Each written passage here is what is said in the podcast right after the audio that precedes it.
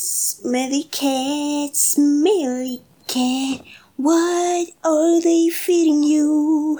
Smelly cat, smelly cat, it's not your fault. Your fault.